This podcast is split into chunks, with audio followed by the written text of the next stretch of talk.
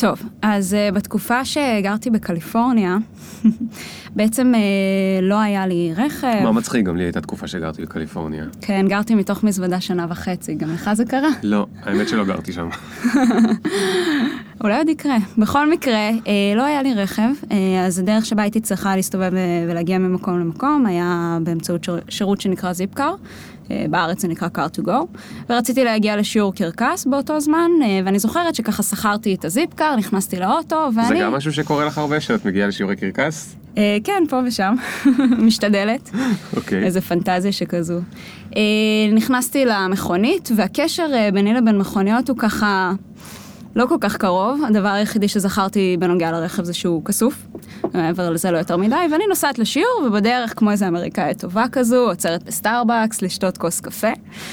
אני עוצרת, חונה, נכנסת, לוקחת כוס קפה, ואז חוזרת לאוטו. לוחצת על השלט, ביפ ביפ, נכנסת לאוטו. ואז אני מתיישבת, ופתאום אני מרגישה שאני מתיישבת ממש נמוך. אני אומרת לעצמי, זה נורא מוזר, אני זוכרת שסידרתי את הכיסא. אז התחלתי ככה לכוונן אותו מחדש, וזה, לסדר את ההגה, ואז אני מסתכלת שמאלה, ואני אומרת לעצמי, אני לא קניתי מקדונלדס. מה השקית הזו עושה לי באוטו? של מי התיק הזה? ופתאום אני קולטת שאני יושבת באוטו של מישהו אחר. אני אומרת לעצמי, אבל איך חזקה פתחה את האוטו שלו? אז בארצות הברית אנשים לא נועלים מכוניות. הבנתי, את לא פתחת את האוטו שלו, פתחת אותו פתחתי, אחר. כן, פשוט היה פתוח. בדיוק. ואז אה, אמרתי לעצמי, טוב, אה, צריך לחשוב מהר, הלב שלי קפא. אמרתי, טוב, שתי אופציות, או שאני יוצאת מפה, וכאילו כלום לא. קרה, לגמרי. שנים לא אכלתי מקדונלדס. בקיצור, בלי לחשוב פעמיים, אמרתי לעצמי, רק שאף אחד לא יהיה שם כשאני אצא. יצאתי מהאוטו, אני רואה שני אנשים מתקרבים. והתפללתי שהאוטו הבא שאני אכנס אליו זה יהיה האוטו שלי. ועפתי משם. יואו, אז זה היה האוטו שלך. את לא יודעת בעצם עד היום. אולי- אולי בזיפקר חונה מכונית אה, שהיא לא שלהם עד היום. לגמרי, יש מצב. תגידי, אה, אורית, את יכולה להסביר לי למה אנחנו יושבים עם אה, כאלה ש- אה, אוזניים של אה, חתול? לך יש בצבע ורוד ולי יש בצבע תכלת. נכון, למרות שהצעתי לך את הוורוד. הצעת לי את הוורוד, ואני בדרך כלל לא אוהב את הוורוד. הפעם רציתי שיהיה עלייך את הוורוד. כי יש לך אה, שמלת תכולה, ואמרתי שזה ילך יותר טוב. Mm, יפה. Um, אני חושבת שזה מעין איזו תזכורת בשביל עצמי, לא, לא לקח את עצמי יותר מדי ברצינות.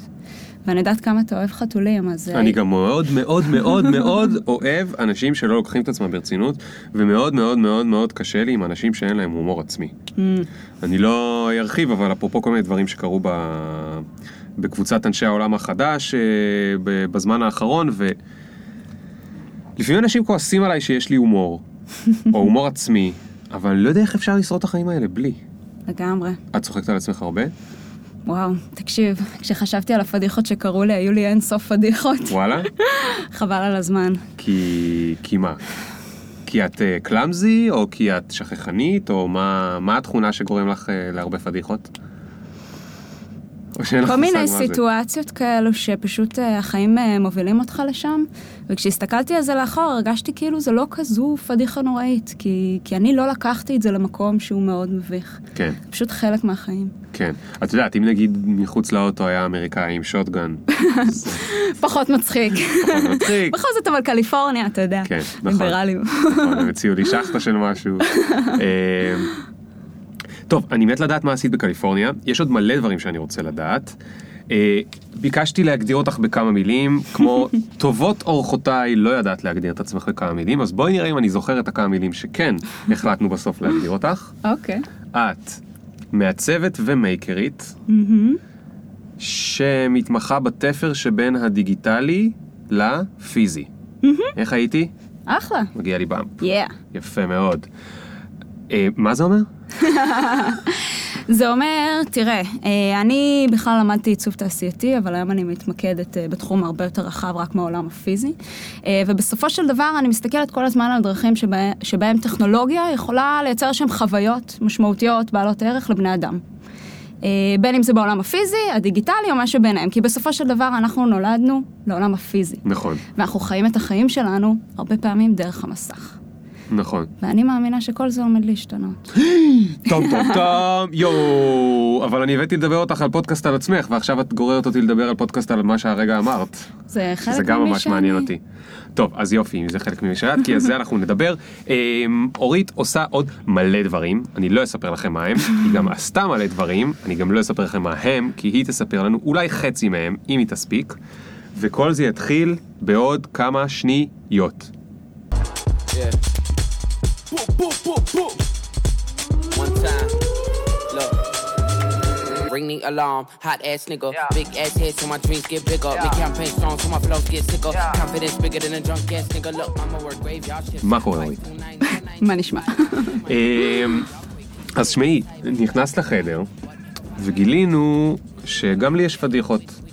למשל שהזיכרון שלי גרוע, אה, שנפגשנו בעבר, שהצגת את עצמך, אה, שאני לא כל כך קישרתי בין הדברים, זאת אומרת אני אז זוכר שפגשתי אותך בהרצאה, אבל לא ידעתי שהזמנתי אותך היום לזה.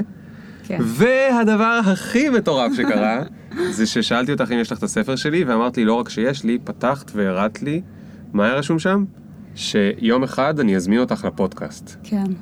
ואלוהים יודע מה עבר לי בראש כשכתבתי את זה אז, כי אני לא כותב את זה לבני אדם, בדרך כלל. אמ, רק לחתולים. רק לחתולים, אם יש לי כוונות, אבל כנראה שמשהו, לא יודע איך. אה, נזכרנו בזה קצת. את היית כנראה מהממש ממש ממש ממש ממש ראשונים שהזמינו את הספר, ואז אני כל כך לא האמנתי שמישהו בכלל רוצה לקנות את הספר שלי, שממש אחד אחד הלכתי וחיפשתי את השמות שלהם בגוגל, ואמרתי מי זה, מי זו אורית דולב, מי זה הבחורה הזאת שרוצה לקנות את הספר שלי, מי זה המוזרה הזאת. וכנראה שגיליתי שם דברים ממש מדליקים, ואז אה, בגלל זה גם כתבתי לך, את ביקשת ממני לכתוב לך הקדשה?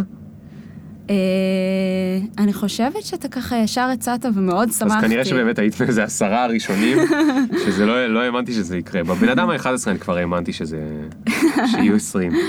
כן. אה, טוב, אורית, אה, מה, רגע, עצרי שנייה. את מדברת, מדברת, ואני לא יכול להיכנס באמצע, סתם. אני רוצה שנתחיל דווקא מקליפורניה. מה עשית בקליפורניה? איך הגעת לקליפורניה? עבדתי שם, בסטודיו לעיצוב. אה, אבל אני חושבת שהסיפור היותר מעניין זה איך בכלל הגעתי לשם. מה, לסטודיו לעיצוב? כן, תשמע, לא כל יום מגיעים אה, לעבוד בסטודיו בלב הסיליקון וואלי, עם לקוחות אה, בינלאומיים מכל העולם. אז איך, איך זה קרה? אז אה, תראה, בוא נחזור אחורה בזמן. בזמן הלימודים אני למדתי עיצוב תעשייתי בשנקר, וככה בין שנה שלישית לרביעית היה לי רצון לעשות איזושהי התמחות קיץ, איפשהו בחו"ל. שמעתי שזו חוויה מאוד משמעותית וזו הזדמנות ללמוד המון. אמרתי, טוב, אני הולכת לעשות את הדבר הזה. עכשיו, אה, התחלתי לעשות רשימה של סטודיואים, ומישהי המליצה לי, מישהי שעשתה התמחות, אמרה לי, אורית, זה לא פשוט להתקבל. תגישי לכמה שיותר. ועשיתי רשימה של 30 או 40 סטודיואים. אבל היה סטודיו אחד במיוחד שמאוד רציתי אה, בעצם להתמחות בו, סטודיו שנקרא Non-Object, אה, שאותו הכרתי דרך אה, ספר שהם כתבו, ספר גישה חדשה, שמציג גישה חדשה לעיצוב. בעצם אה, עיצוב הוא לא רק המוצר הפיזי או הבן אדם שמשתמש בו, אלא זה כל החוויה שנוצרת בין לבין. ואולי זה גם קצת מסביר איך היום אני מדברת על עיצוב. אה, הלכתי לספרייה בשנקר, הוצאתי את הספר הזה, ספר נון אובייקט, שמציג את כל הקונספטים האלו, איך מוצרים פיזיים יכולים להשפיע על החוויות שאנחנו חווים, ובסוף היום המוצרים האלו הם אה, נעלמים, והחוויות והרגשות זה מה שנשאר. זה גם קצת אה, מזכיר לי אדריכלות באיזשהו מובן. כי כן. גם באדריכלות הרי יש לאדריכל אמונה שאיכשהו יעצב את המקום הזה, משרד או בניין שאני אגור בו, מאוד ישפיע על, ה... על החיים שלי. בהחלט, על המערכות יחסים שייווצרו באותו בניין, על התחושות, על ההשראה שאולי הוא ייצור אצל אז אנשים. רגע, יש לך איזה דוגמה ממשית למוצר ספציפי ואיך אה, הדבר הזה קורה? אז תכף נגיע לזה. טוב, תכף. יש לך כזה בשבילי? יש, יש הרבה דוגמאות. אוקיי, אוקיי. אה, בקיצור, התחלתי להגיש לעשרות סטודיואים, והסטודיו הספציפי הזה, ככה התחלתי אה, גם להגיש אליו. אה, תראה, מבין כל ה-40 סטודיואים האלה, לפחות חצי, אם לא יותר, חזרו אליי ואמרו לי, תודה, חמודה, אבל זה לא, זה לא מתאים, זה לא יסתדר הפעם. התבאסתי מאוד. הפעם לא. כן. תבואי פעם אחרת. השאר, אה, רובם בכלל לא חזרו אליי. ואמרתי, אוקיי, אני אמשיך ואמשיך ואמשיך. ואז היה סטודיו אחד, סטודיו Nonobject, שיושב אי שם בקליפורניה, שחזר אליי. אמר, דווקא זה אוקיי. שרצית. כן, רגע, ספרי לנו סוד, מה כתבת להם שם שהם רצו אותך? אמ, זה התחיל מתהליך שהגשתי פורטפוליו, שאגב, התהליך של בניית פורטפוליו, אף אחד לא לימד אותי את זה, זה משהו שימים ולילות אה, חפרתי באינטרנט והסתכלתי איך עושים את זה במקומות אחרים, כי ב- בלימודים לא נתנו לי את הכלי הזה בזמנו. כן. אה, והגשתי את זה. לא, ואמרת, ואמרת שהלכת לספרייה, לקחת את הספר שלהם. נכון. להכיר יותר טוב מה, מה התחום שהם אז זה מתעסקים עזר לך. בהקשה? בהחלט, גם אחד השלבים המתקדמים, השלב השני או השלישי, התייחס ספציפית לספר ובעצם לפילוסופיה, הגישה החדשה הזו שהם מציעים אה, לעיצוב. אפילו הגעתי לשלב של ראיון סקייפ. עכשיו, תאר לעצמך, השעה שתיים בלילה בישראל, קליפורניה אמצע היום, ואומרים לי, בואי נעשה ראיון סקייפ. עכשיו, אני בלי לחשוב פעמיים, ברור. אז שעה שתיים בלילה, פותחת את כל האורות בבית, מנסה להיות ערנית, מתחילה ראיון סקייפ באנגלית. אה, וככה, בסופו של דבר, יום אחרי זה הם חזרו אליי והתחילו לשאול אותי, אוקיי, אורית, מתי תרצי לבוא אלינו, לכמה זמן, והתחלנו ככה לסגור את הפרטים אה, לגבי ההתמחות. אז מה, זה, זה קורה. לא בדיוק. כי עברו עוד כמה ימים, ואז הם חזרו אליי ואמרו לי, אורית, שמעי, חשבנו על זה, ובעצם הגענו למסקנה שזה לא יסתדר הפעם. יואו, ואני עוד פעם עם הפעם הזה, מה הייתי- זה האמריקאים האלה? הייתי גמורה, באסה מוחלטת. זהו, סוף סוף סטודיו אחד. זה שגם הכי רציתי, התחלנו להתקדם בתהליך, ו- וכבר התחלנו לדבר על תאריכים, ופתאום הוא אומר לי לא. התבאסתי. הלכתי אל ההורים שלי, ואני ממש זוכרת את הערב הזה, ישבנו שם בסלון עם כל המשפחה.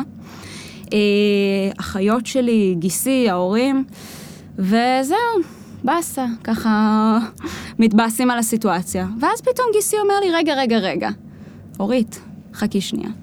מה דעתך? אולי תרשמי להם מייל, תגידי להם שאת במילא הולכת להיות באזור. אומרת לו, מה זה במילא הולכת להיות באזור? כן, תשמחי לקפוץ להגיד להם שלום. להכיר. אמרתי, תקשיב, זה, זה טיסה לצד השני של העולם, אני לא הולכת לקנות כרטיס בשביל לבוא להגיד שלום. אמר לי, מה אכפת לך? תרשמי את זה, ואולי גם תוסיפי את זה שתהיי מוכנה לעשות חודש בהתנדבות. אמרתי, אוקיי. יכול להיות שזה מלחיץ אותם, להביא מישהי מהצד השני של העולם, להתחייב התחייבות כזו, אין בעיה. זה מקום שאני כל כך רוצה להגיע אליו, ללמוד בו, ללמוד מהאנשים, להיות חלק מהדבר הזה. אני, זה מה שאני כותבת להם, וכתבתי להם את המייל הזה. יום אחרי זה הם ענו לי, הם אמרו, איזה יופי, כשתהיי באזור תגידי לנו. איזה יופי, תבואי בחודש. אוקיי, מה עכשיו אני קורא, קונה כרטיס? לא בדיוק ככה. עברו עוד כמה שבועות, בינתיים עבדתי עם איזשהו סטארט-אפ, ואחרי אה, משהו כמו חודש הם רושמים פתאום יום אחד, אה, אורית, את לא אמורה להיות באזור? מה? לא הבנתי, הם כאילו שכחו ממך? הם אמרו, אוקיי, עוד כמה שבועות היא תגיע, ואז היא תכתוב לנו, ונכיר, וזהו, וזה לא קרה, כי בעצם לא קניתי כרטיס. כן. אבל רגע, מה היה כן גורם לך לקנות כרטיס? אם הם היו אומרים, כן, סליחה, נורא התבלבלנו, תבואי לפה לחודש. כן, כל דבר שהוא קצת יותר משלום. זה כבר ובסופו של קצת דבר... כמו בהתח- בהתחלה של זוגיות, כאילו שאתה מחפש ממש רמז, אבל תביא איזה רמז ממש קל, תן לי משהו להיאחז בו. משהו בדיוק, משהו בקטנה להיאחז בו. טוב, אבל ו- אז הם אמרו לך, אנחנו רוצים לראות אותך. כן, אבל זה עדיין שלום שלום. אז אה. אמרתי, אוקיי, רגע, עוד כמה מיילים כדי להבין מה הרצינות פה, והם אמרו לי, האמת שנשמח אה, אם תבואי לחודש. Hmm, אוקיי. כן. אז תאר לך שאחרי שבוע היינו, אה, עומר הבן זוג שלי ואני, בדרך לצד השני של העולם. הוא פשוט אמר לי, בואי, הולכים על זה, עושים את זה.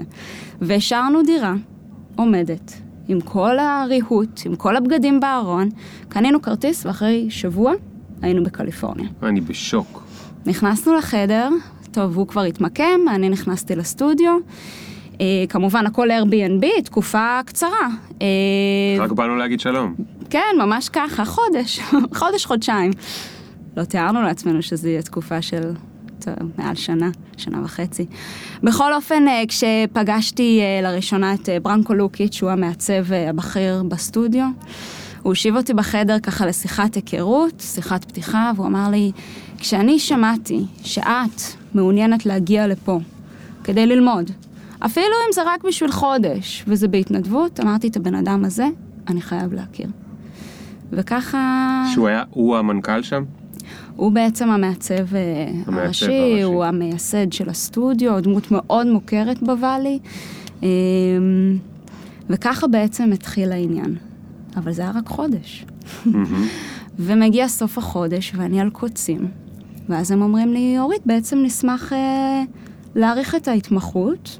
הפעם זה כבר בתנאים אה, מקובלים של ארצות הברית, בכל זאת כן משלמים ויזה. וזה צריך גם? אז אה, כאן יש איזה, בסוגריים, יש לי אזרחות. אוקיי. אה, ואני בטוחה שזה הקל על המצב, אבל זה לא היה העניין. אה, ואחרי אה, בעצם אה, תקופה של שלושה חודשים נוספים, אחרי שכבר הכרנו ועבדנו ביחד, הם הכניסו אותי יום אחד שוב פעם לחדר, הפעם גם ברנקו וגם סטיב, המעצבים הראשיים של הסטודיו, וממש כמו בסרט, ישבנו סביב השולחן, הם העבירו לי דפים עם חוזה, וכמו כמו בסרט, אמרו לי, אנחנו נשמח אם תישארי לעבוד פה יואו! כעובדת קבועה. גדול. אנחנו יודעים שעדיין לא סיימת את התואר, אנחנו יודעים שבאת לפה לתקופה של חודש-חודשיים, אבל אה, נשמח מאוד אם תישארי איתנו. וואו. עם חוזה, עם התנאים, עם הכל, נתנו עם לך. הכל. ומאותו רגע, ואת לא ידעת שזה בא. לא. זה לא, דברים כאלה לא קורים. כלומר, לא, אבל בדרך המתמחים כלל, אה, את לפניי... יודעת, מדברים על זה אולי, מרחכים איתך. תראה, בארצות הברית, לא רק שזה לא מקובל, מקובל גם שאחרי שאתה מסיים את התואר, אתה עושה שתיים, שלוש התמחויות בכמה מקומות, ורק אחרי זה אתה מתחיל לעבוד במשרה מלאה איפשהו. אולי, אם אתה מצליח, בעצם מצליח למצוא. אה, ובסיטואציה הזו שנוצרה, אה, כן, זה היה המצב. אז ו- רגע, איך את מסבירה את זה? תראה, אמ, אני מסתכלת לאחור ואני באמת שואלת את עצמי את השאלה. אני הייתי בחורה יחידה, בצוות שכולם מעצבים גברים. הייתי הישראלית. שהיו עוד כמה חבר'ה בינלאומיים, אבל אני חושבת שיש משהו בתרבות שלנו.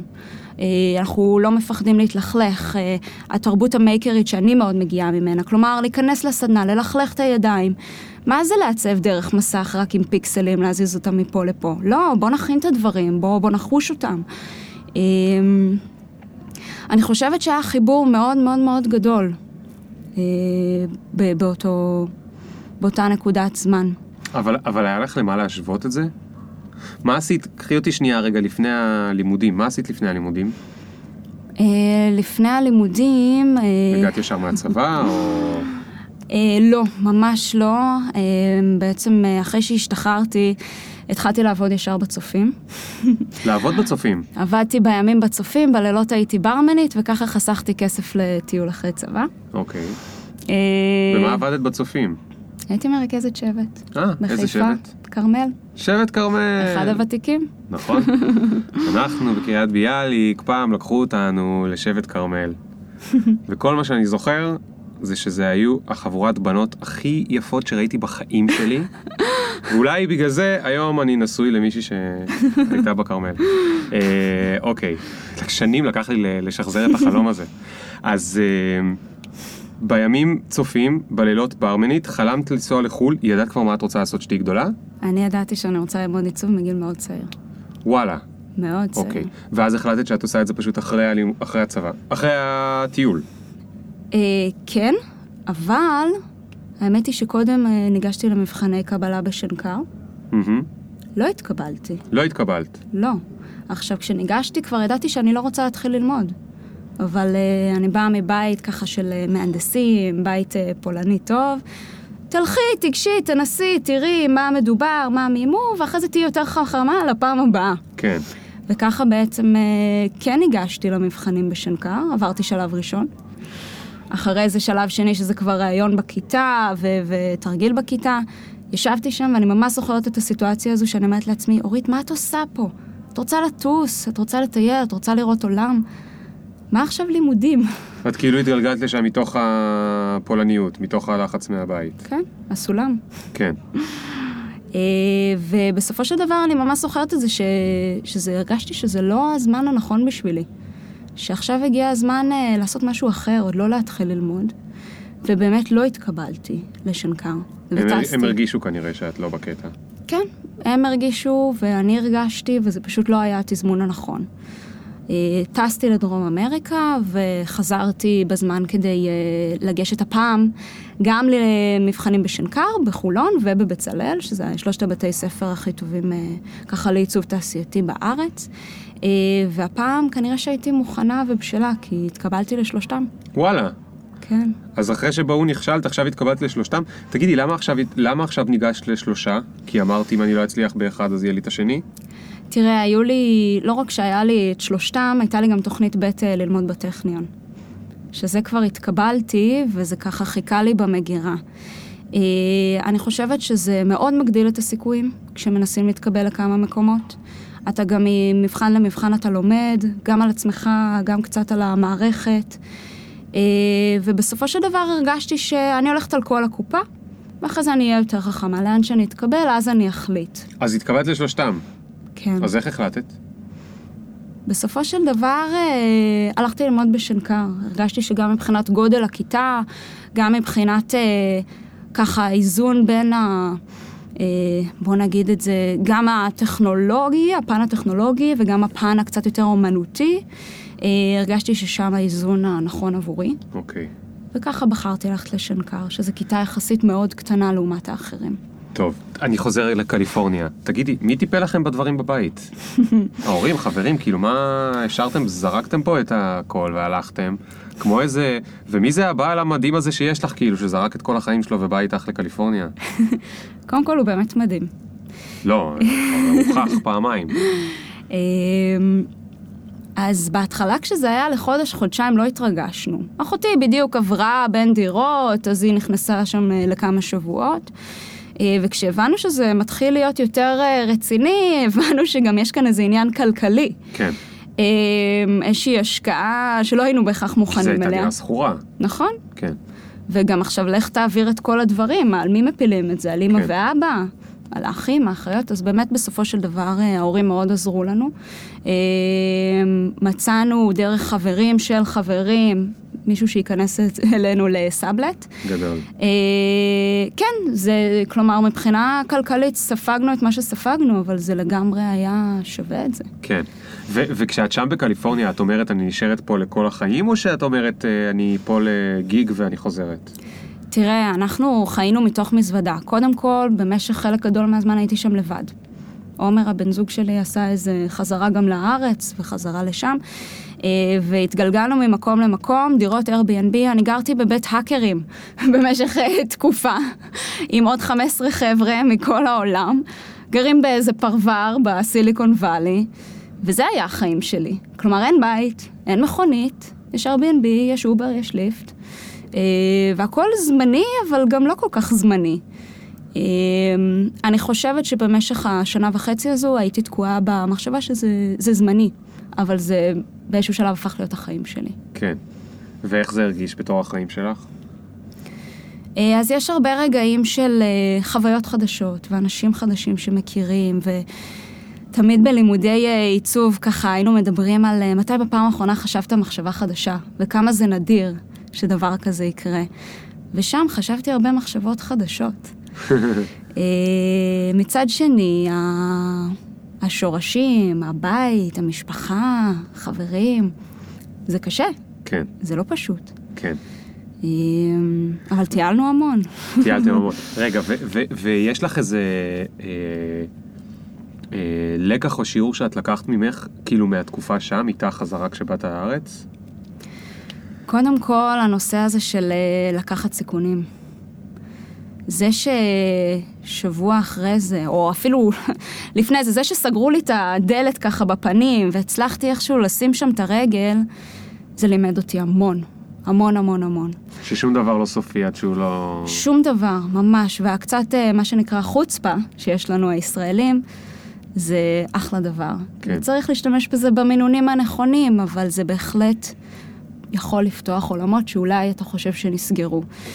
אמ, כן, התקופה הזו הייתה מאוד מיוחדת, וגם יצא לי לעבוד שם ולהוביל פרויקטים אה, באמת ברמה בינלאומית, להציג למנכ"לים כמו לוג'יטק ונספרסו ו-BMW ודברים שאני חושבת שרק היום אני מסתכלת לאחור ואני לא קולטת איזה הזדמנות הבוסים בעצם אפשרו לי.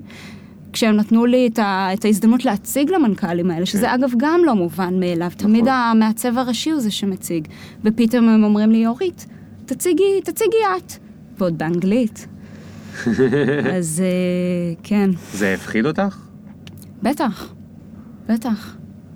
עד היום הרבה דברים קטנים אה, מפחידים אותי, אבל אני חושבת שכל עוד הפחד הוא לא משתק, הוא ככה עושה פרפרים בבטן, וזה עוזר לך ככה להתרגש, אבל לממן את זה, לנתב את זה למקום אה, חיובי, כן. אז זה מעולה. אוקיי, אז עכשיו חזרת לארץ אחרי שבאמת היית במקום מאוד מאוד גבוה מבחינת האקשן, מהבחינה המעשית. למי יש סבלנות ללמוד עכשיו, תגידי לי? איך הצלחת ל... ללמוד? כאילו, לא רצית לצאת לסטודיו ולעשות דברים? שאלה מעולה. אה, כשהחלטתי בעצם לחזור אה, לארץ ולחזור ללימודים בשנקר, זו הייתה החלטה שלי הייתה מאוד ברורה, לא היו לי שם ספקות. אה, אבל כל האנשים סביבי, או כמעט כולם, לא הפסיקו לשאול אותי, מה את עושה פה? למה חזרת? תישארי שם. וזה מחברים ואנשים חדשים שהכרתי למרצים, שפתאום אני יושבת בכיתה. הנחיות, פרויקט גמר, שבכלל זה איזה תיק כזה ש... שקצת קשה לעכל אותו. והמרצים עצמם שואלים אותי, אורית, מה את עושה פה? אבל אני הסתכלתי על התקופה הזו כהזדמנות. כלומר, פרויקט גמר זה אולי אחת ההזדמנויות האחרונות שלי לעשות פרויקט שמעניין אותי, שאין לה כוח, שאין uh, מגבלות, אין שיקולי uh, ייצור ו- ושיקולים כלכליים ועסקיים. זו הזדמנות שלי ליהנות. אז מה עשית בפרויקט הזה? אז uh, תראה, בסופו של דבר, ככה נקפוץ לסוף, הצבתי את נומד, זה כלי נגינה דיגיטלי לנווד המודרני. ומה זה בעצם אומר? תראה, אני, טיולים זה חלק מהחיים שלי, זה אהבה מאוד גדולה. עומר ואני, בכל הזדמנות שיש לנו, אנחנו נוסעים לטייל. ובאחד הטיולים אמרתי, טוב, אני רוצה סוף סוף ללמוד לנגן על גיטרה. ולקחתי איתי גיטרה. סוף סוף יהיה לי זמן ללמוד את מה שכל כך רציתי. לקחתי גיטרה קטנה, יחסית קומפקטית, וניסיתי לטייל איתה, אבל החוויה הייתה מאוד מתסכלת. כי כן. הצורה כן. שלה לא נכנסת לתיק, והמיתרים כל הזמן נקרעים ויוצאים מכוונון. אמ, ואוטובוסים ו... ורכבות וזה, זה לא מסתדר. כן, כן. וזה ככה התחבר לי מאוד למקום הזה שחזרתי לישראל, ועד לא מזמן הייתי אני בעצמי איזושהי נוודת, נוודת מודרנית. אמ, ובעצם מתוך המקום הזה נולד הפרויקט. יצרתי קשר עם אה, נוודים, אנשים, אה, נוודים דיגיטליים, שזה איזושהי אובססיה מאוד גדולה שיש לי. אה, אנשים שהחליטו לעזוב הכל, והם חיים את החיים בטיול. אה, הדרך שבה הם מצליחים להתפרנס זה דרך האינטרנט, כי היום טכנולוגיה מאפשרת לנו את זה. יש להם את הטכנולוגיה הכי חזקה, אה, המצלמה הכי חזקה, המחשב הכי חזק, והם בעצם היום יכולים לעשות דברים ולטייל ולהתפרנס בצורה שהם לא יכלו לפני עשר שנים, למשל. אה, ובעצם ההישענות הזו על מוזיקה, שמחזירה אותך הביתה תמיד, כשאתה נמצא אי שם בדרכים. משם נולד הכלי נגינה הזה. Hmm, אז איך הוא נראה? אה, איך אנחנו נראה את זה? אני לא יודעת, תנסי לתאר לי את זה. אז בעצם אה, זה איזושהי הפשטה של גיטרה מוכרת. תדמיין שמורידים את כל התיבת תעודה, כי לא צריך, זה כבר, אה, זה כלי נגינה דיגיטלי. אין מיתרים, המיתרים זה מיתרי גומי, הוא עובד בכלל על חיישנים, חיישני כיפוף ולחץ. הוא מתחבר לאפליקציה, שדרכה אפשר לשלוט על ההגדרות של הסאונד, ופתאום אתה לא צריך uh, להתחיל להתלבט אם uh, לנגן uh, על uh, גיטרה אקוסטית או חשמלית, או אולי אני בכלל בהודו, בא לי לנסות לנגן על סיטאר. בכלי נגינה דיגיטלי אתה יכול uh, לנגן על אין סוף כלים. מדהים. והצורה שלו היא כזו מינימליסטית שהיא נכנסת לתיק.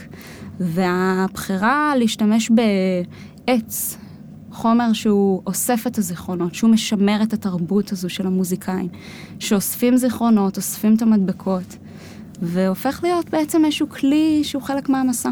אז אותו את עשית, זה היה פרויקט גמר שלך היה? זה היה פרויקט גמר שלי. וכולל אפליקציה?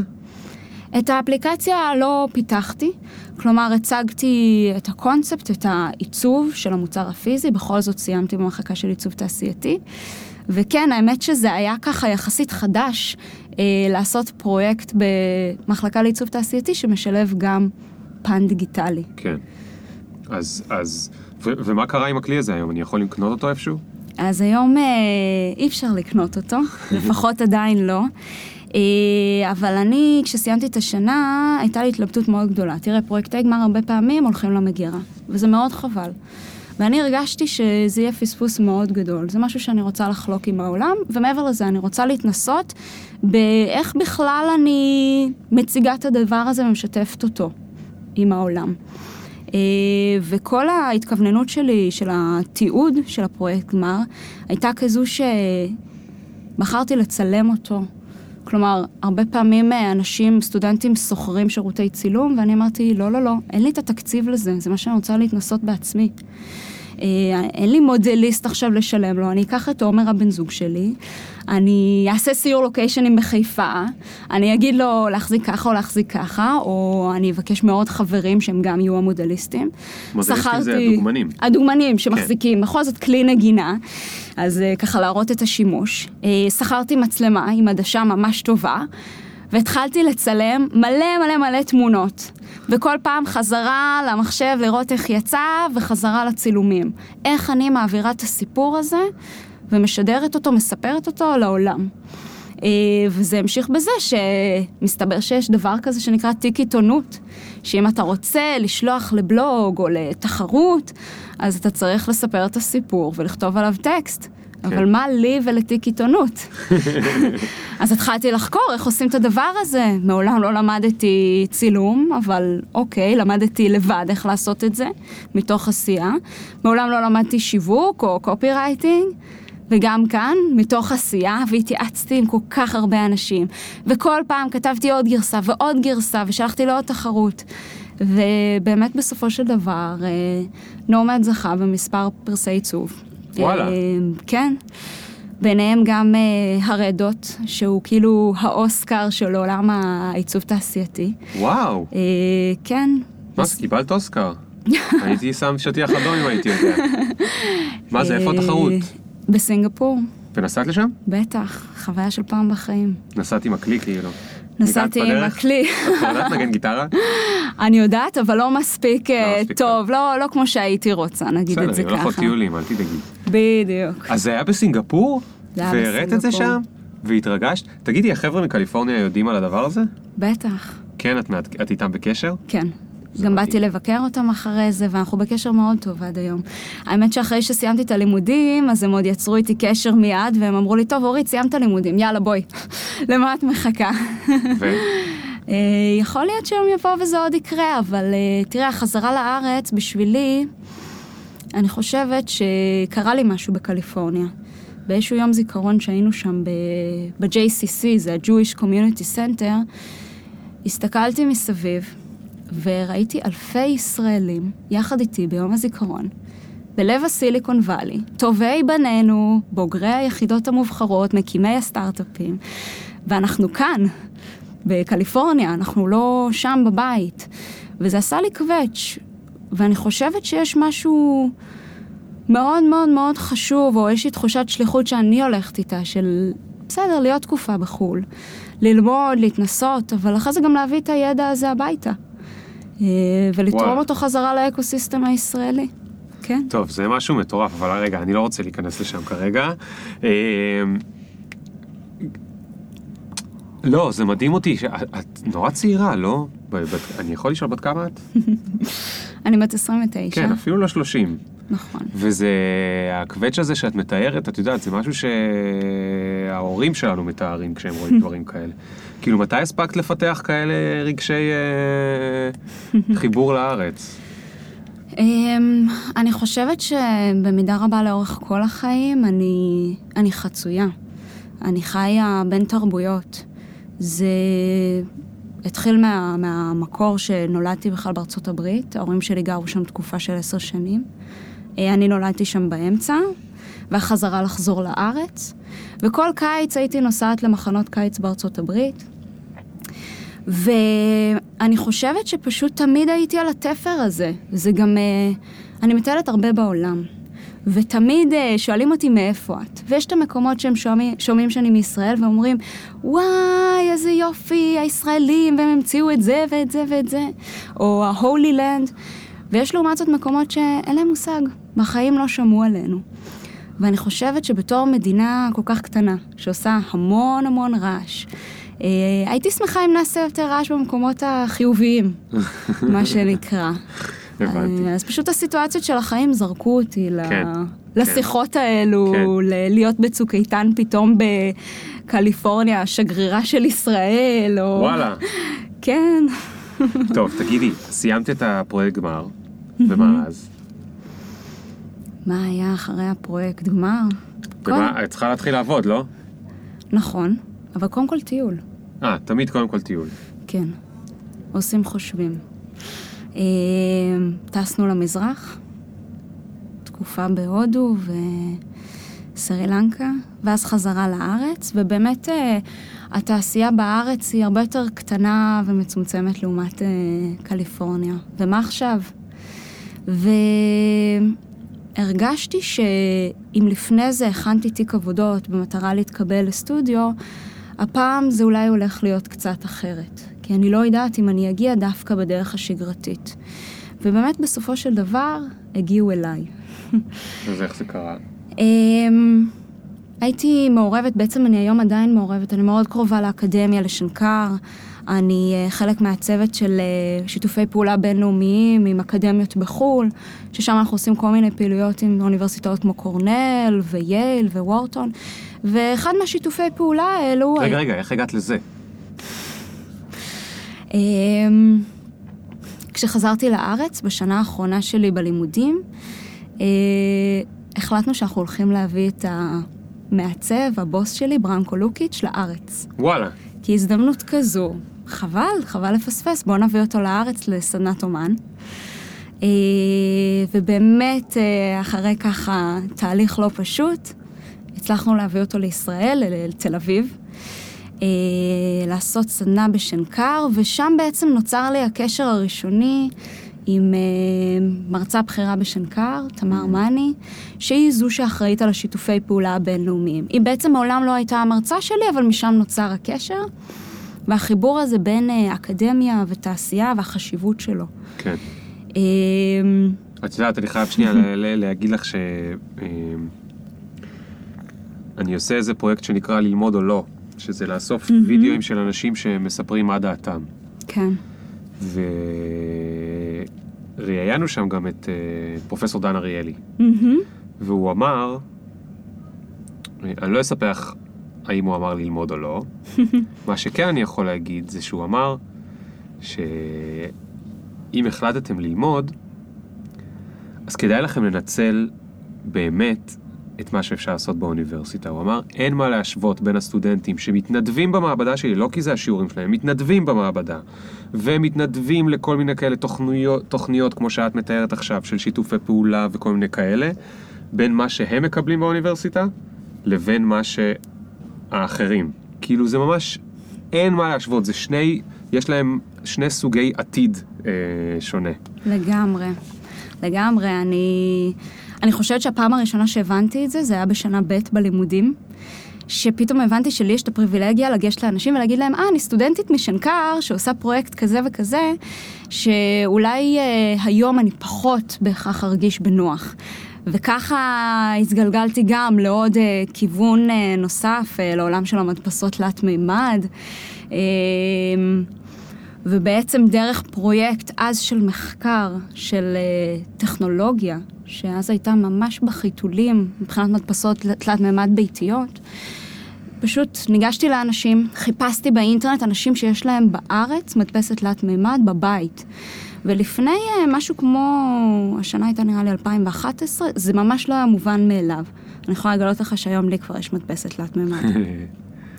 ומתוך זה אה, הגעתי לאנשים שאחרת אה, לא הייתי מגיעה בקלות, וככה אה, עשיתי איזשהו פרויקט בתחום, אבל הדבר היותר מעניין זה שבחור בשם ספי אטיאס, שאז היה בכלל חייל, הוא הכניס אותי אליו הביתה, הראה לי את החדר שלו, והוא אומר לי, אני כבר שנתיים מרכיב ובונה מדפסות תלת מימד.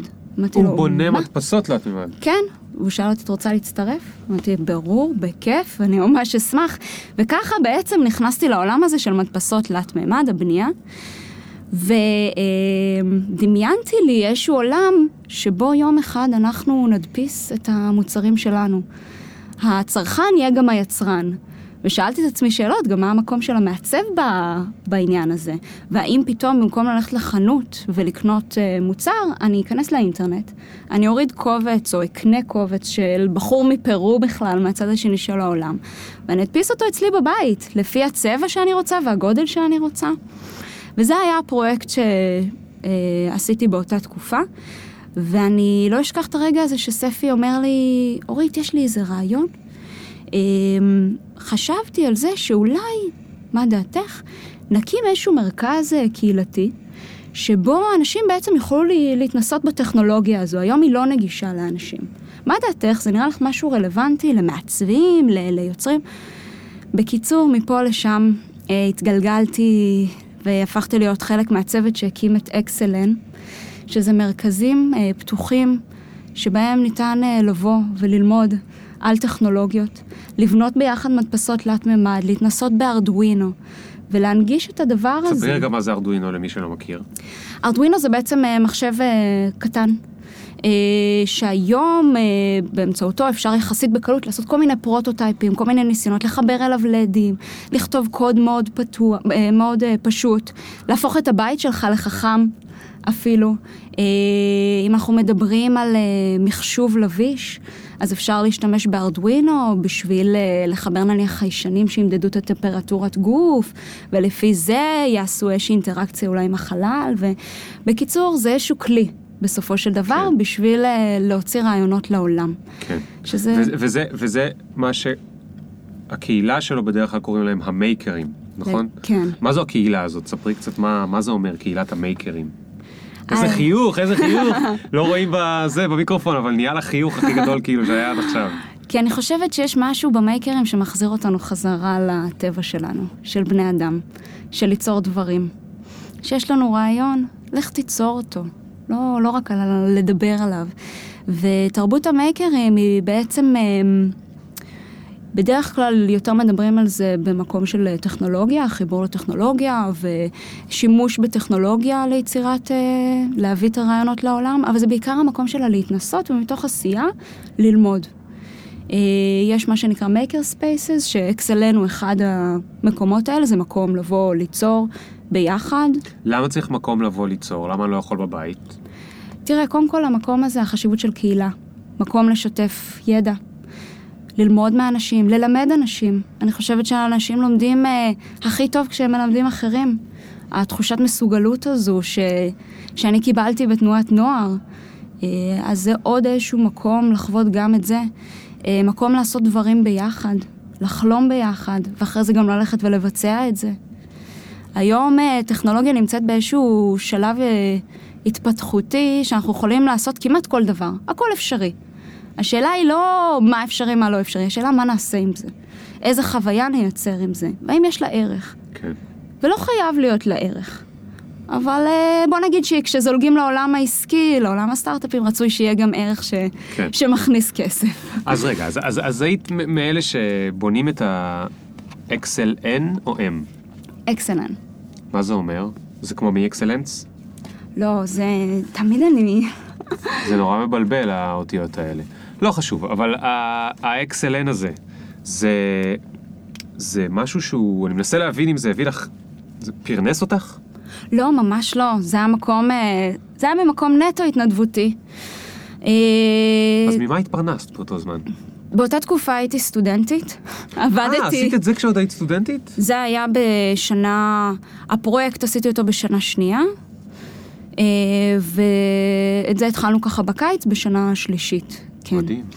כן, אז זה היה לגמרי התנדבותי, וזה חזרה למקום הזה שבתור סטודנטים יש לנו את הפריבילגיה לעשות כל מיני דברים, שאחרי זה, אולי נגיד, מה עכשיו, אה, לא להתפרנס, לא כן, זה. כן. בתור סטודנטים, באמת, הדבר הכי טוב שאפשר לעשות זה להגיד, אהלן, אני סטודנט מפה לפה, מעניין אותי, אני רוצה ללמוד, אני רוצה ללמוד. כן. ולבוא וכמה שיותר להיחשף ולהכיר גם אנשים. ואני ממש זוכרת שאני הייתי תמיד הבחורה היחידה בחדר, המעצבת היחידה בחדר. אמ, וזה פתח לי עולם שאני לא הכרתי. כלומר... וזה הפריע לך שאת היחידה, האישה? כשאני חושבת... אז כאילו שמת לב לזה, או שרק היום את שמה לב לזה בדיעבד? באותו רגע שמתי לב לזה. אבל פשוט החלטתי שאני לא אתן לזה להשפיע עליי. והרבה פעמים אחרי זה בחיים, אה, ועד היום, אה, אני נמצאת בסיטואציות האלה, ואני אומרת, אוקיי, יכול להיות שזה רק בראש שלי, רק אני רואה את זה, שאני האישה היחידה בחדר, או המצבת היחידה בחדר, זה לא רלוונטי. בסופו של דבר, אנשים זה אנשים. כן, כן. אוקיי, אז, אז מה עשית שסיימת את הלימודים? אני לא מצליח לדעת. בקיצור, מתוך השיתוף פעולה אה, עם אה, קורנל, עשינו שיתוף פעולה יחד עם אה, חברת סירס ישראל, שזו חברת בת של Sears הענקית האמריקאית. מה זה Sears? זה חנויות ענק כאלה כמו Walmart ו-Target. אה, אוקיי. זה מין רשת סופרמרקט, אבל לא רק של אה, מוצרים לאוכל, אלא כל ה... הכל. כן, כן, זה בעיקר אה, מוצרים לבית. יש להם אוקיי. כמה חברות מה, בת, משביר לצרכן כזה, או... אבל בממדים הרבה יותר כן, כן, גדולים. כן, פי, פי עשר. בוא. נגיד שזה מותג אמריקאי ככה ותיק, שכל אמריקאי גדל עליו. כן. בכל בית שתיכנס, יש מוצרי אה, סירס אה, במטבח ובבית ו... ובגינה. ובגינה כמובן. אז מסתבר שיש להם חברת בת בישראל, חברת סירס ישראל, שיושבת בהרצליה פיתוח. לא למה? הכרתי. מה הם עושים פה? תראה, בסופו של דבר אה, ישראל מושכת אליה הרבה השקעות, אה, וגם אה, זו אחת מהן, החליטו לרכוש איזשהו סטארט-אפ שהיה בזמנו בתחילת הדרך, אה, שיהיה מרכז פיתוח וחדשנות של החברה האמריקאית. אה, ומתוך השיתוף פעולה הזה בכלל נחשפתי אליהם. אה, ואז הם אומרים לי, אורית, בדיוק יש לנו צוות חדש, צוות אה, IoT, ואנחנו מחפשים מעצב או מעצבת שיובילו שם את אה, תחום העיצוב. כן. שנייה, נזכיר רק למי שלא שמע את פרק, אה, לא זוכר איזה, על אינטרנט אוף תינגס. אה, עם אוריה. עם מוריה, אז אה, זה כל הדברים החכמים שיש לנו בבית, או זה גם מחוץ לבית, שהם כולם קטנים או גדולים מחוברים לאינטרנט. אז זה, נכון. ה Sears ישראל מקימים צוות IoT, ורוצים, מחפשים מעצבת תעשייתית. כן. ולך יש כבר רקע ב makerים, ואת יודעת מה זה מדפסות תלת מימד, ואת הקמת maker space, אז את בעצם מתאימה, כאילו, נשמע שאת מתאימה. אה, אבל, אבל, אבל ידעת מה הדרישות כאילו? אני לא בדיוק ידעתי מה הדרישות, כי הכל התחיל מהיכרות אה, היכרות אישית כחלק מהפרויקט, ואז אה, מורן חביב, שהיא בעצם אה, באותו, באותה תקופה הייתה VP of Product, אמרה לי, אורית, את נראית לי מתאימה. את הצבת אה, והובלת מוצרים שהיום נמכרים בחנויות אפל ברחבי העולם. מה, רגע, מתי? זה חלק מהתקופה בקליפורניה. אה, והשמטת את זה. היו שם דברים שעשית שהם בחנויות אפל? אפשר רגע לעצור כן, ותספרי לי איזה? לפחות חמישה. מה? אז תספרי לי רגע, איזה? מה מה את מדברת? אז זה לא הזמן להיות צנועה פה בפודקאסט. איזה מוצרים בחנויות אפל? אז יש את הסדרה של אה, יואי, אולטימט אירס, שזה היואי רול וה UE Boom, מה זה? מה זה? מה זה הדבר הזה? שזה רמקולים אה, שמתחברים לאפליקציה. אה, זה רמקולים כאלה שאני יכול לקחת לים? לגמרי, אתה יכול גם אוקיי, להפיל אותה למים, זה. אתה יכול לעשות איתם snowboard ולא יקרה להם כלום. איזה מגניב. אז את היית בחברה שעושה את זה. בעצם הם היו לקוח. ספציפית אני יכולה לשתף אותך שהיואי רול, אה, שהוא רמקול ככה שלוקח את כל החוויית אה, שמיעה, האזנה למוזיקה לקצה.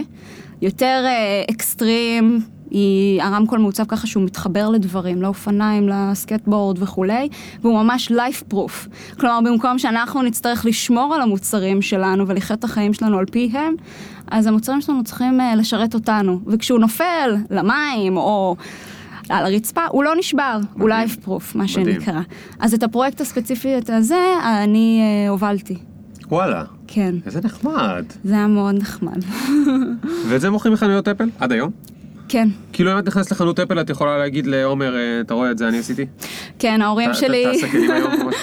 ההורים שלי עד היום אומרים לי, אורית, אורית, תעמדי, אנחנו רוצים לצלם אותך ליד, או נניח אה, אה, הולכים ל duty free. פה בארץ, תמיד שולחים לי תמונה. זה באמת גאווה. מחמם את הלב. כן, הנה, אתה רואה, זה איזושהי דרך שלי להתמודד עם הסיטואציה. אני מנתקת אותי מה- מהמצב, ואני אומרת, אה, זה אני? לא, אני לא בדיוק קשורה לזה, אני חיה, לא יודעת, איזושהי כן. חוויה חוץ גופנית כזו. כן, טוב, אבל את קשורה לזה, אני אספר לך מבחוץ. בחוץ גופני. אז אוקיי, אז שנים חזרה, אני חוזר, היא הייתה שם VP product. נכון. והיא אמרה, נראה לי את מתאימה, אה, עשית כמה דברים בחיים שלך, וזה זה הפחיד אותך, או, או שזה היה נראה לך אה, למידותייך? אני חיפשתי איזשהו אה, אתגר כזה. כלומר, אה, הרגשתי שאני רוצה, אני מחפשת עבודה שהיא לא בסטודיו לעיצוב קלאסי, אלא דווקא אני רוצה לחוות משהו שהוא אחר. אה, עבודה בחברת אה, הייטק, חברת מוצר מאוד עניינה אותי. אה, אתגרים חדשים שלא יצא לי להתמודד איתם, ובהחלט. וככה התגלגלנו, כמובן, תהליך של ראיונות.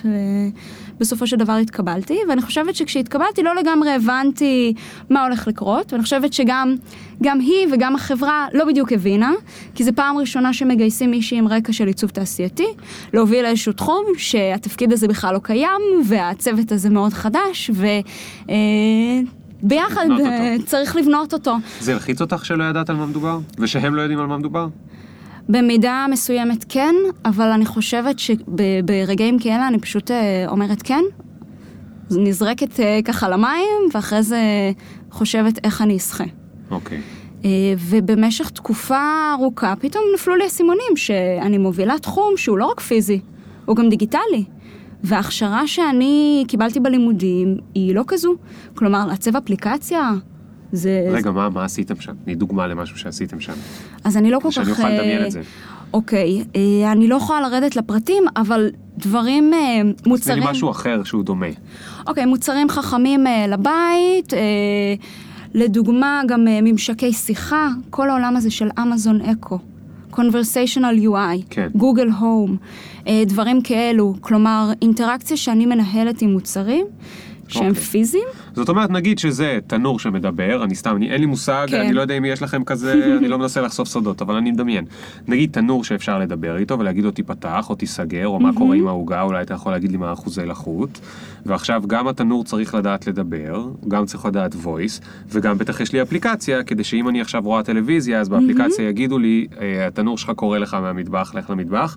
ואז פתאום את אומרת, אוקיי, עד עכשיו הבנתי בתנורים, עכשיו אני צריכה להבין גם בטכנולוגיה של דיבור, וגם איך עושים לזה אפליקציה וכל זה. לגמרי, זה... ואז יש מתחתייך אנשים? או שאת אה, לא. כזה אלכסון? אז אין מתחתיי אנשים, אני לגמרי מעצבת יחידה מקצה לקצה, כלומר אני גם מובילה את התחום אסטרטגית, לשאול את השאלות איזה חוויה בכלל אנחנו רוצים לספק, אבל גם ללכת ולבצע את זה, ופתאום לעבוד עם מפתחים, ופתאום לדבר אה, שפה של אה, חברת מוצר, עובדים אג'ייל ובספרינטים, ומילים כמו ROI ו-KPIs, וכל השפה הזו שבשבילי היא הייתה מצד אחד זרה, מצד שני אני באה מבית של מהנדסים. אז אה, גם לא לגמרי זרה. אה, כן, אז חודשים ראשונים אני לומדת שפה חדשה שהיא, שהיא השפה של אה, עולם הטכנולוגיה, או עולם אה, חברות המוצר, והעניין השני זה ללמד את עצמי בעצם את כל הפן של עיצוב מוצרי אה, דיגיטל. ואיזה כיף שהיום הכל נגיש באינטרנט. אז איך למדת? ספרי לכולם שגם ילמדו. חפרתי ואני עדיין חופרת בפורומים ובמדיום ובעוקבת אחרי האנשים המובילים בתחום. לקחת קורסים דיגיטליים? התעניינתי בזה מאוד, בסופו של דבר הגעתי למסקנה שהדבר שאני הכי לומדת ממנו זה פשוט אני עושה לעצמי משימות קטנות שהן רלוונטיות לעבודה ומתמודדת. וזה הגיע למצב ש... כאילו כל פעם את צריכה לפצח רק משהו קטן. בדיוק. כלומר, התחלתי מזה שאני בודקת, אה, קראתי באיזה בלוג, דיברו על אה, אפליקציה שנקראת, אה, תוכנה שנקראת סקאץ', אומרים שאולי יותר טובה מפוטושופ. הלכתי לחבר'ה בסטודיו אצלנו, שאגב זה אולי חשוב לציין, שכן היה סטודיו בתוך החברה, בסירס ישראל, אבל אני הייתי מחוץ לסטודיו. כלומר, עבדתי בצוות חיצוני. אז באתי להתייעץ איתם בדברים מסוימים. אה, והם האמת לא כל כך הכירו את זה. פתאום אמרתי, אוקיי, אני, או שאני מדברת על תוכנה שהיא לא רלוונטית בכלל, או שאני מגלה פה משהו חדש. ובאמת שנה אחרי זה כולם עברו לעבוד בסקאץ'. Hmm, כל מיני דברים שאני הייתי משוחררת מהרגלים של החברה, יכולתי לרוץ קדימה. בגלל שלא ידעתי, כן, גיליתי כן. דברים שהם אה, אולי ככה חדשים. אבל את היית צריכה לדעת לעצב בסקאץ'? כן, אוקיי, אז היית צריכה ללמד את עצמך לעצב בסקאץ'. נכון. אז עם הרבה מים, ניסוי וטעייה? אה, קודם כל, אה, קצת אה, וידאוים אונליין, נגיש, שום בעיה, וגם זו תוכנה מאוד ידידותית, אז מי שכבר יודע פוטושופ, לקפוץ לסקאץ' נכון. זה שטויות. אה, אבל מעבר לזה, עכשיו לעבוד מול מפתחים, ואז גיליתי שיש כל מיני פלאגינים. יש את אה, זפלין, אוקיי. פתאום אני לא צריכה לעשות אה, מה שנקרא guidelines. אני ממש זוכרת שהייתי בהלם, שיש דבר כזה שמעצבים עושים אחרי שהם סיימו את העיצוב, מכינים guidelines, כמה פיקסלים מפה, כמה מפה, כדי שהמפתח ידע לעשות את ההפרשים. ורק לעשות את הקובץ הזה לוקח שעות על גבי שעות. אמרתי לעצמי, אין מצב שעם הטכנולוגיה של היום, אני צריכה לשבת ולעשות את זה. פשוט לא הסכמתי לקבל את זה. בחיים שלי לא עשיתי guidelines, גיליתי שיש את Zeplin, גדול. שמשם כמעט עושים copy-paste לתוך הקוד, וכן, הרבה ניסוי וטעייה. מדהים, מדהים, מדהים, מדהים. אז רגע, כמה זמן היית ב Sears ישראל? את תקופה- עדיין שם? אה, היום אני כבר לא שם, מה זה היום, ממתי את לא שם? כמה שבועות, אוקיי. אה, אבל אה, אני כן יכולה לשתף שבאיזשהו שלב אה, קיבלתי קידום בתוכו. בתוכו. אוקיי. כן, אחרי אה, משהו כמו אה, עשרה חודשים, משהו כזה, אה, בעצם אה, קיבלתי קידום להוביל אה, את מה שנקרא Customer Experience, שזה להיות שייכת לצוות של החדשנות והאסטרטגיה, לחשוב יותר קדימה על דברים. רגע, זה לא Customers Experience של מוצר ספציפי? אה, זה פרויקט מאוד ספציפי, אבל כחלק מצוות אה, האסטרטגיה, זה לעבוד על כמה פרויקטים במקביל. אוקיי, אוקיי. אה, ובעצם להסתכל על החוויה מקצה לקצה בצורה אפילו עוד יותר רחבה, ואם עד היום הסתכלתי עליה רק בפיזי והדיגיטלי, בואו נכניס פנימה גם את האלמנט העסקי, הביזנס. זה גם כלל להוסיף ולהטמיע מתודות של design thinking, שזה דבר שיחסית בארץ עדיין טרי. אה, אז ככה להטמיע את זה בחברה, בשאר הצוותים. אה, ואני חושבת שאני בתור אה, מישהי שהגיעה עם ידע מאוד מסוים לסירס ישראל, והדרך שעברתי וההתפתחות שם הייתה מאוד... אה, היא הפתיעה, אני חושבת, לא רק אותי, אלא גם את החברה כולה. כלומר, המקום של מעצב והיכולת שלו גם להסתכל על דברים שהם לא, שהם מעבר לפיקסל. כי, כי, מה, כי מה הם רגילים לעבוד? תראה, ההסתכלות בארץ על עיצוב, לצערי, אנחנו עדיין אה, באיזשהו עיכוב לעומת מה שקורה. בקליפורניה למשל, זה פשוט מה שאני מכירה. אה, ואנחנו עדיין אה, מדברים על עיצוב כלעשות משהו שהוא יפה. במקום להגיד, אה, רגע, איך זה עובד? גם זה חלק מהעיצוב. והיום בקליפורניה מבינים את זה כל כך, שחברות הון סיכון, קרנות הון סיכון, מגייסות מעצבים להיות design partners, שהן עוזרות לא רק אה, לאתר את החברות הרלוונטיות וככה למדוד אותן, אלא גם לעזור להן להתפתח ולייצר אה, טכנולוגיה, שירות, מוצר שמייצר ערך לבני אדם. כן. כלומר, בארץ אנחנו אלופים בטכנולוגיה, אנחנו באמת באמת אלופים, אה, אבל היכולת להשתמש בטכנולוגיה הזו ולעשות ממנה משהו שהוא משמעותי וקרוב לאנשים, שם לפעמים אנחנו... תגידי, יש, כאילו, את כל הזמן מדברת על זה וזה נשמע שזה מאוד מאוד חשוב לך, ה- הדבר הזה. אבל כאילו, יש לי תחושה שזה לא חשוב לך רק בגלל מה שראית בקליפורניה. כאילו זה איכשהו חשוב לך בגלל ה... משהו באופי שלך, או משהו בדמות שלך, או משהו ב... אני לא יודע מה. את, את מבינה על מה אני מדבר? את, את, יש לך מושג מאיפה זה מגיע? הרצון הזה שהדברים יתחברו ככה, של הקצה לקצה. כאילו יש פה...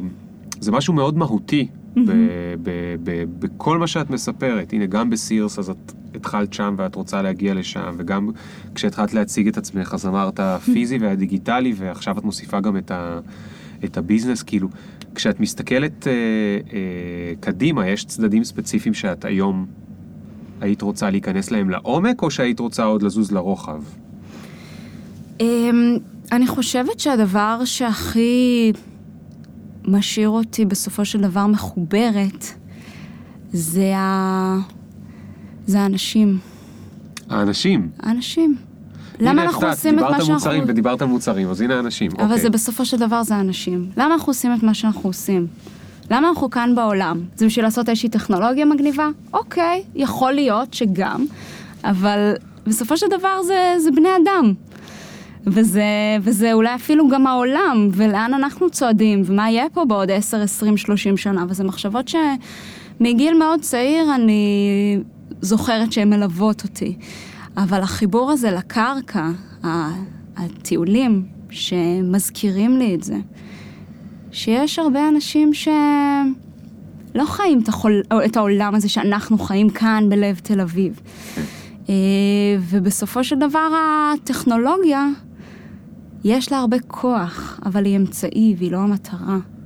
ואני חושבת שאחד הדברים שהכי עזרו לי אה, במהלך העבודה בהרצליה, זה שגרתי בכלל בחיפה. והנסיעה ברכבת, שהיא אגב אה, לא, לא תמיד נעימה, לבלות אה, לא כזאת טכנולוגית הרכבת שלנו. ארבע שעות ביום הלוך חזור, זה, זה לא הכי כיף, אבל זה הזמן שאני נשארת אה, מחוברת. לאנשים ומחוברת לקרקע. אז, אז כן, טוב, זה, זה באמת, כאילו, לחזור מקליפורניה ולנסוע ברכבת ישראל אה, מחיפה להרצליה, אני בטוח שזה כזה מוזר. תגידי, מתי פעם אחרונה היית בחו"ל? אפרופו. בסין, לפני כמה שבועות. מה עשית בסין? אפשר לשאול? בטח. מה, זה... כאילו, הוזמנתי להשתתף במשלחת של, אה, של בעצם אה, הקונסול הישראלי בסין, של משרד החוץ, כחלק מכנס... תגידי, אנחנו צריכים לעשות פה הפסקה ואני אספר לך כאילו שאת לא צריכה להיות צנועה פה, את, מה זה, אני כמעט לא גיליתי שיש לך מוצרים ב Apple, כמעט לא גיליתי שיש לך משלחות מהקונסוליה הישראלית, מה אני צריך לעשות כדי להוציא את זה ממך? איך הגעת לסין? תסבירי לי, מה זאת אומרת, אה, מי שלח אותך לשם מהקונסוליה הישראלית? כן, אז... אה, מצחיקה. תשמע, אני חושבת שפשוט אה, יש, יש הרבה דברים, אז קשה לי גם לזכור הכל. כן, אבל אה, סין זו הייתה חוויה מדהימה, זה בעצם משלחת שהתוכן היה, זה היה הכנס השנתי של מה שנקרא סיליקון וואלי של סין, זה עיר שנקראת צ'נגדו. זה הכנס הרשמי של ראש העיר, והם כל כך סקרנים לגבי החדשנות והאקוסיסטם הישראלי, שהם הזמינו משלחת שתגיע לשם במיוחד. ואני הייתי חלק מהמשלחת הזו. איך הגעת להיות חלק מהמשלחת הזאת? אה, אז האמת היא שהם פנו אליי. אה, הקשר שנוצר הוא מלפני כמה שנים, זורק אותנו לעוד איזה חוויה, שעשיתי את ה fellowship של StandWithUs, שזה בעצם תוכנית של אה, הסברה ישראלית, תוכנית אוקיי. לסטודנטים. אם אוקיי. דיברנו על דברים התנדבותיים. שזה מה שאמרת שהיית בצוק איתן, הסברת, אה, זה קשור לזה או שזה לא היה זה? לא, אז אני בצוק איתן הייתי במקרה בקליפורניה, כי אה, עבדתי שם. אוקיי, אבל אז אוקיי. כשחזרתי לארץ אמרתי, אוקיי, יש תוכנית שהיא מכשירה, קצת נותנת כלים, אה, איך להתמודד עם שאלות קשות, אני אעשה את התוכנית הזו, זה משהו שמאוד מעניין אותי ברמה האישית. ואז שולחים אתכם לחו"ל ואתם מסבירים באוניברסיטאות וכאלה, נכון? על אה, ישראל? תראה, את הקורס, את התוכנית הזו, זה משהו בהתנדבות, פעם בשבועיים מפגשים, אה, ואחרי זה בוגרי התוכנית, חלקם עושים את הבנתי. המשלחות האלו. הבנתי. אני הבנתי שאני שם בשביל להיות חלק מהתוכנית, המשלחות הפוליטיות זה פחות העולם שלי, אבל הנה, כשהגיעה המשלחת הזו של היזמות, וכל החיבור הזה, ככה הגיעו אליי. אמ, בעקיפין האמת, אבל בסופו של דבר הם רצו שאני אדבר בכלל על אה, נומד, על כלי נגינה הדיגיטלי. אה, אז הלכת להרצות שם, אז הנה הכל מתחבר. הלכת להרצות בסין, מתוך קשר שנוצר לך כשהתנדבת ב StandWithUs, על ה Nomad שהיה פרויקט גמר שלך. יפה. נכון, טוב נכון. שנזכרת בסיפור הזה בסוף בעצם. כי נכון. זה, כי זה מחבר את כל העניינים. כן, זה, זה לעמוד שם על במה, מול הרבה מאוד סינים, אה, ולספר על יש להם אוזניות, כי מתרגמים להם? כן, וכל הזמן מתרגמים גם לי, וזה חוויה מאוד מיוחדת כן, לשמוע אפרופו- באוזן אחת אה, סינית ובאחת אנגלית, אפרופו ובכלל לחשוב עיצוב בעברית. חוויה, אולי תפתרי את זה. לגמרי. סינים הם. לגמרי העתיד, אגב.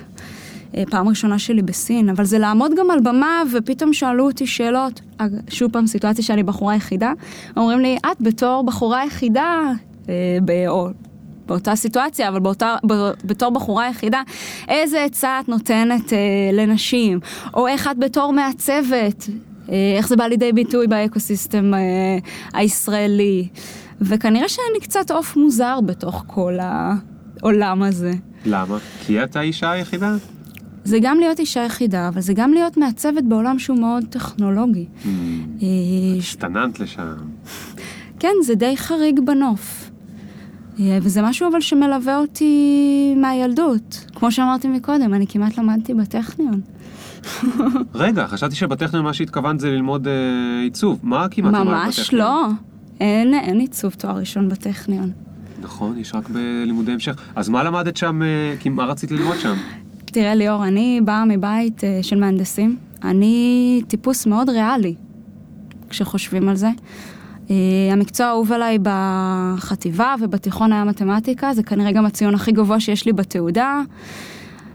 וכל החיים שלי אני התעסקתי ויצרתי בת זקונים, שתי אחיות גדולות שתמיד נתנו לי בגדים, אה, יד שנייה, וכל פעם הייתי לוקחת את הבגדים, גוזרת, תופרת והופכת אותם ככה להיות שלי, עם הכלים שהיו לי. אה, וההורים שלי מגיל מאוד צעיר זיהו שמעניין אותי העולם הזה של יצירה. וכל מה שאני הכרתי זה עיצוב אופנה, אבל משהו שם עדיין לא הסתדר. אז הם לקחו אותי לתערוכות סוף שנה. בשנקר, ובבצלאל, ובחולון. כן. ואנחנו מדברים על משהו כמו גיל 14-15. ואני לא אשכח את היום הזה שנכנסתי לאחת המחלקות שם, וראיתי חדר מלא במוצרים. כיסאות וטוסטרים וכל מיני דברים כאלו, ושאלתי, מה, מישהו מעצב את הדברים האלו?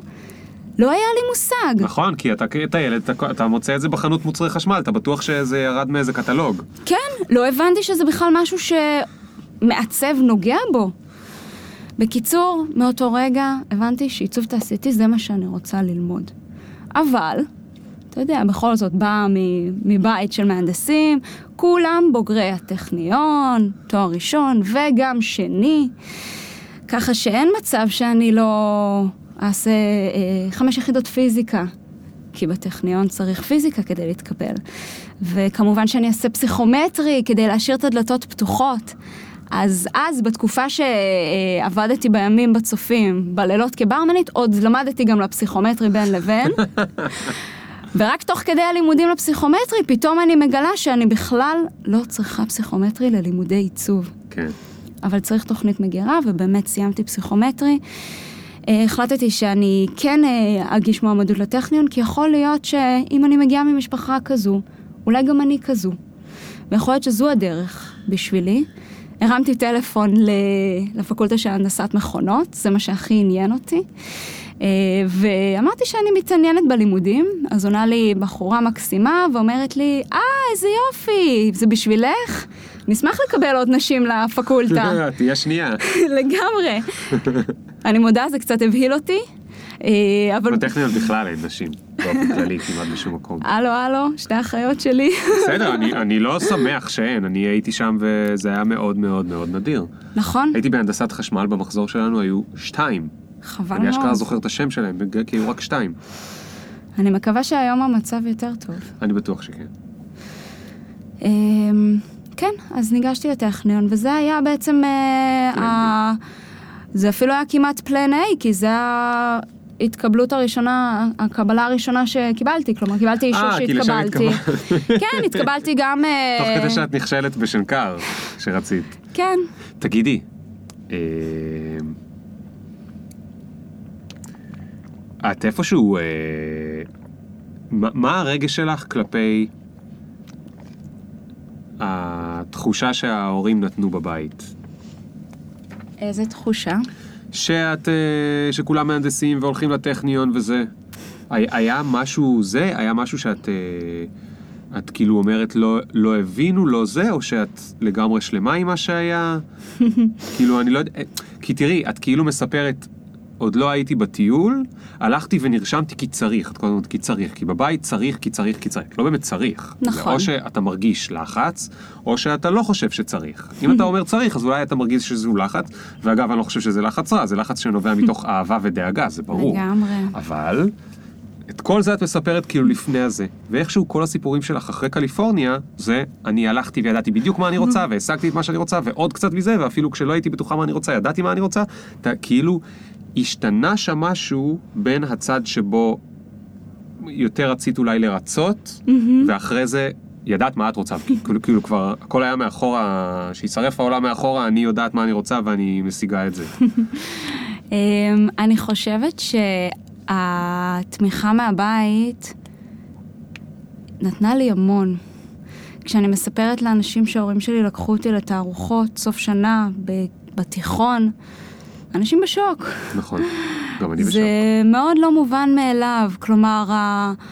הליווי תמיד היה בשני מסלולים. כן, זה מה שאנחנו מכירים, כלומר ההורים שלי, זה מה שהם הכירו.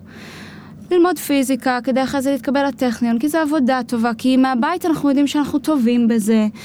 אה, זה מקצוע, זה קצת העולם הישן. ובמקביל יש את מה שהבטן אומרת, ושרואים שאני יושבת ויוצרת, ומשרטטת את החדר שלי, כאילו אני איזה אדריכלית, וגוזרת חתיכות נייר כדי לתכנן מחדש איך הרהיטים ימוקמו. כלומר, היה ברור שיש לי נטייה לשני הכיוונים. ויכול להיות שגם בגלל שהייתי תלמידה טובה בבית ספר, אז הלחץ היה מאוד אה, ככה בצד. בעיקר חייתי בצופים. Hmm. והחיים בצופים אפשרו לי ליצור אה, ולהתנסות בקבוצה, לחיות בקבוצה, להוביל קבוצה, כל מיני דברים כאלו שהוציאו ממני את הצד היותר אה, אה, של היצירה, בצורה קצת אחרת. כן. אני מאוד שמחה על זה שההורים שלי עודדו אותי ותמכו בי, כי זה שהיום אני יכולה לשבת פה בביטחון ולהגיד, בדקתי, עשיתי, כן הלכתי בנתיב גם הזה, אבל אני שלמה עם איפה שאני נמצאת היום, זה מאוד חשוב. שאחרי זה לא לבוא ולהגיד, יא, למה לא עשיתי ככה, למה לא עשיתי ככה, ומה היה אם הייתי עושה ככה. כן. בהחלט. טוב, אורית, אנחנו צריכים לסיים, תקשיבי, את עוד לא בת 30, לא מאמין כמה שאת הספקת, כל הכבוד לך. אה, אני גם כל הכבוד להורים שלך, אני אומר על במה זו, בלי שאני מכיר אותם.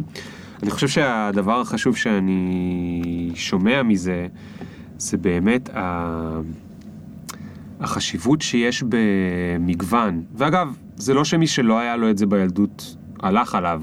אפשר גם להחליט בגיל 30 שאתה מתחיל להיחשף למגוון, וגם בגיל 40, והמוח יכול ללמוד עוד הרבה דברים חדשים. והמגוון הזה, שאת אומרת צופים, ואת מקשרת את זה לקהילה.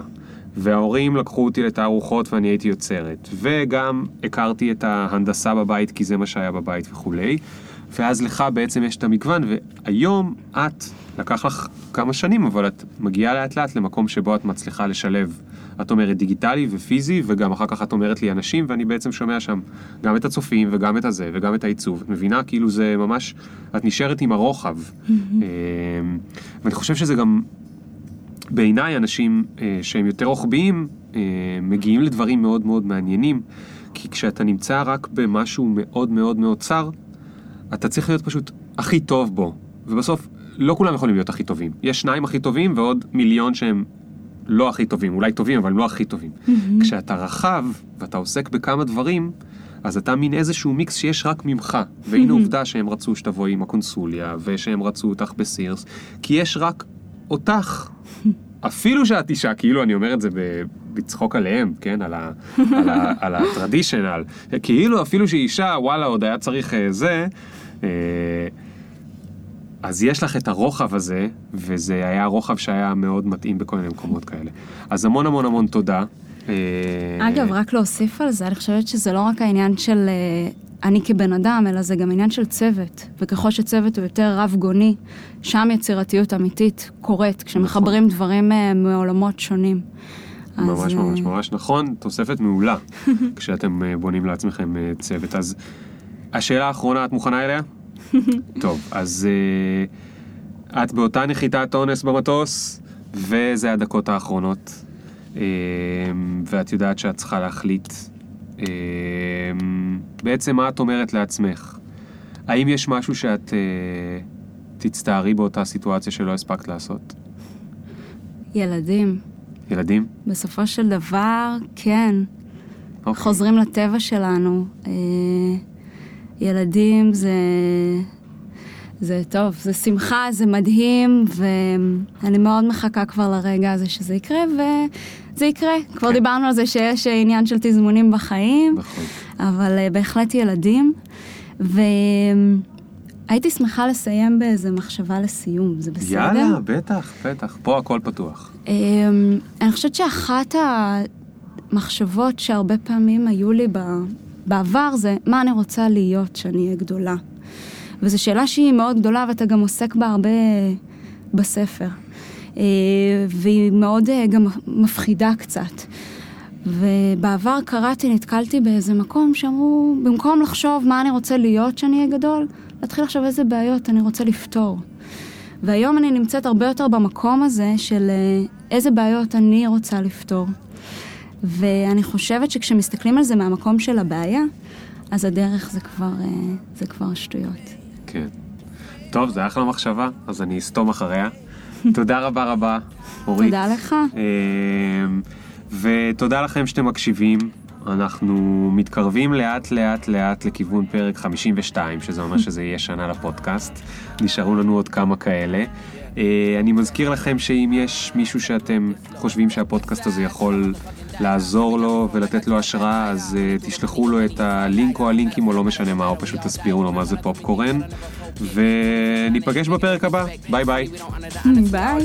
Pinocchio niggas and noses is all nine inches. Something like my dick is. Hit it when they mention. Did you get my mentions? Question. Do you even fuck with a nigga like me? Will you bump me in about three days? Really? IDC. Cause every time a nigga talk, they can't see the big up picture. Fuck your filter. Me can't go run, but me can't repeat. No.